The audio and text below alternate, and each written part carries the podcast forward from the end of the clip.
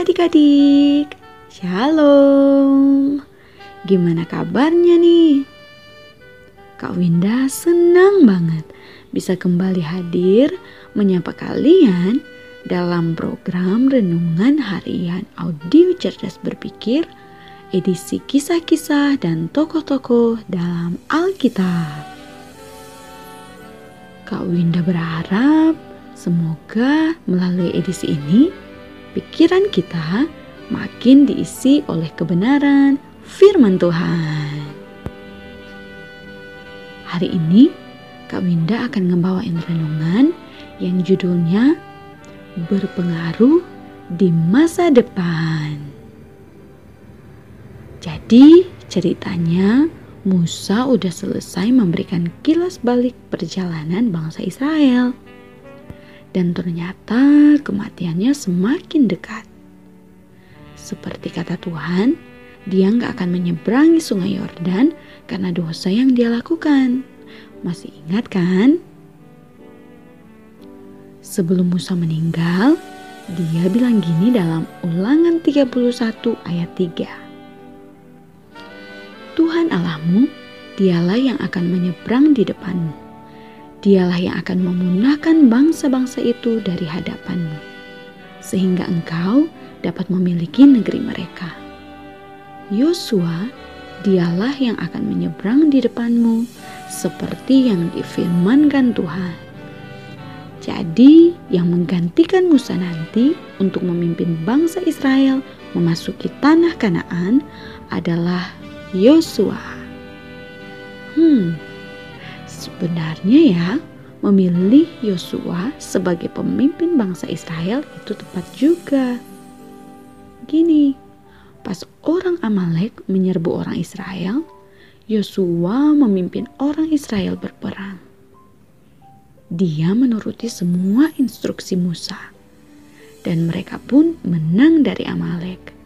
Dari bagian ini kita bisa belajar bahwa Yosua patuh sama otoritas.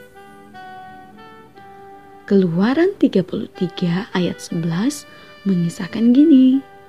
Dan Tuhan berbicara kepada Musa dengan berhadapan muka seperti seorang berbicara kepada temannya. Kemudian kembalilah ia ke perkemahan. Tetapi abdinya, Yosua bin Nun, seorang yang masih muda, tidaklah meninggalkan kemah itu itu adalah kemah pertemuan, tempat Musa berdoa kepada Tuhan, dan Tuhan menyampaikan pesan kepada Musa. Hmm, mungkin Yosua menyukai suasana pertemuan dengan Tuhan. Kalian masih ingat kisah 12 pengintai kan? Waktu itu ke-10 pengintai melaporkan hal-hal yang buruk tentang tanah Kanaan kepada orang Israel. Tapi Yosua dan Kaleb kasih laporan dengan sudut pandang berbeda. Mungkin masih ada lagi contoh-contoh lainnya tentang Yosua. Intinya, apa yang dilakukan di masa lalu dan sekarang dan karakter apa yang terbentuk bisa ngaruh banget di masa depan. Masa kini atau sekarang adalah hasil dari apa yang terjadi di masa lalu sedangkan masa depan adalah hasil dari apa yang terjadi di masa kini.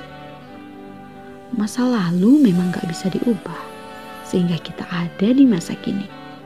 Tapi masa depan bisa kita arahkan jadi lebih baik kan? Misalnya nih, kalian kalau belajar dengan baik sedari sekarang, dan kalau bisa dapat nilai yang baik dari hasil belajar, kemungkinan di masa depan kalian akan lebih baik ketimbang kalian malas belajar. Ada lagi nih, kalau kalian gak jaga kesehatan dengan ngejalanin pola hidup gak sehat, kayak sering minum minuman bersoda, berwarna dan lain sebagainya, makan makanan yang gak sehat kayak junk food, merokok dan lain sebagainya, kakak khawatir di masa depan kalian akan terserang berbagai penyakit, bahkan kronis. Ada lagi nih, ini penting banget.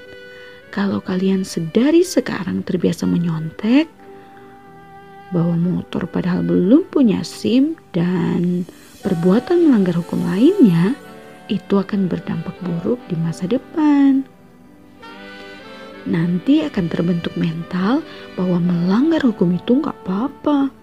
Dan bukan gak mungkin di masa depan kalian akan melakukan perbuatan melanggar hukum yang lebih besar lagi.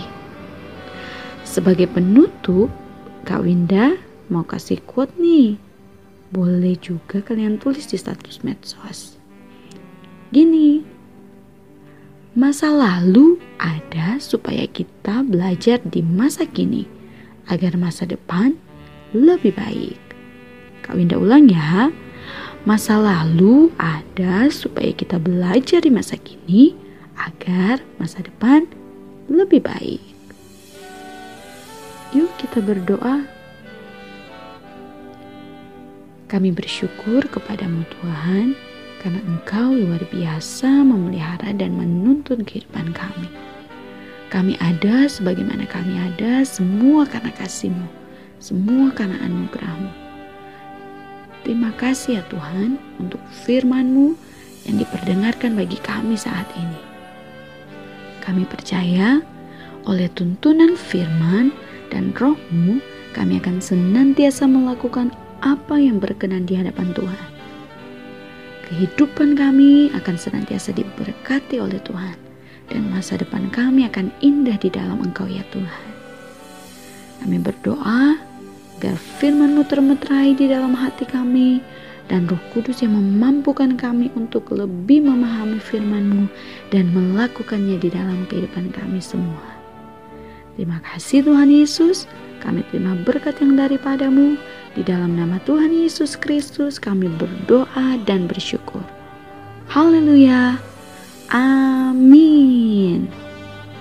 Oke, tetap sehat, tetap semangat, dan tetap jadi berkat. Jangan lupa bahagia ya. Tuhan Yesus memberkati. Dadah.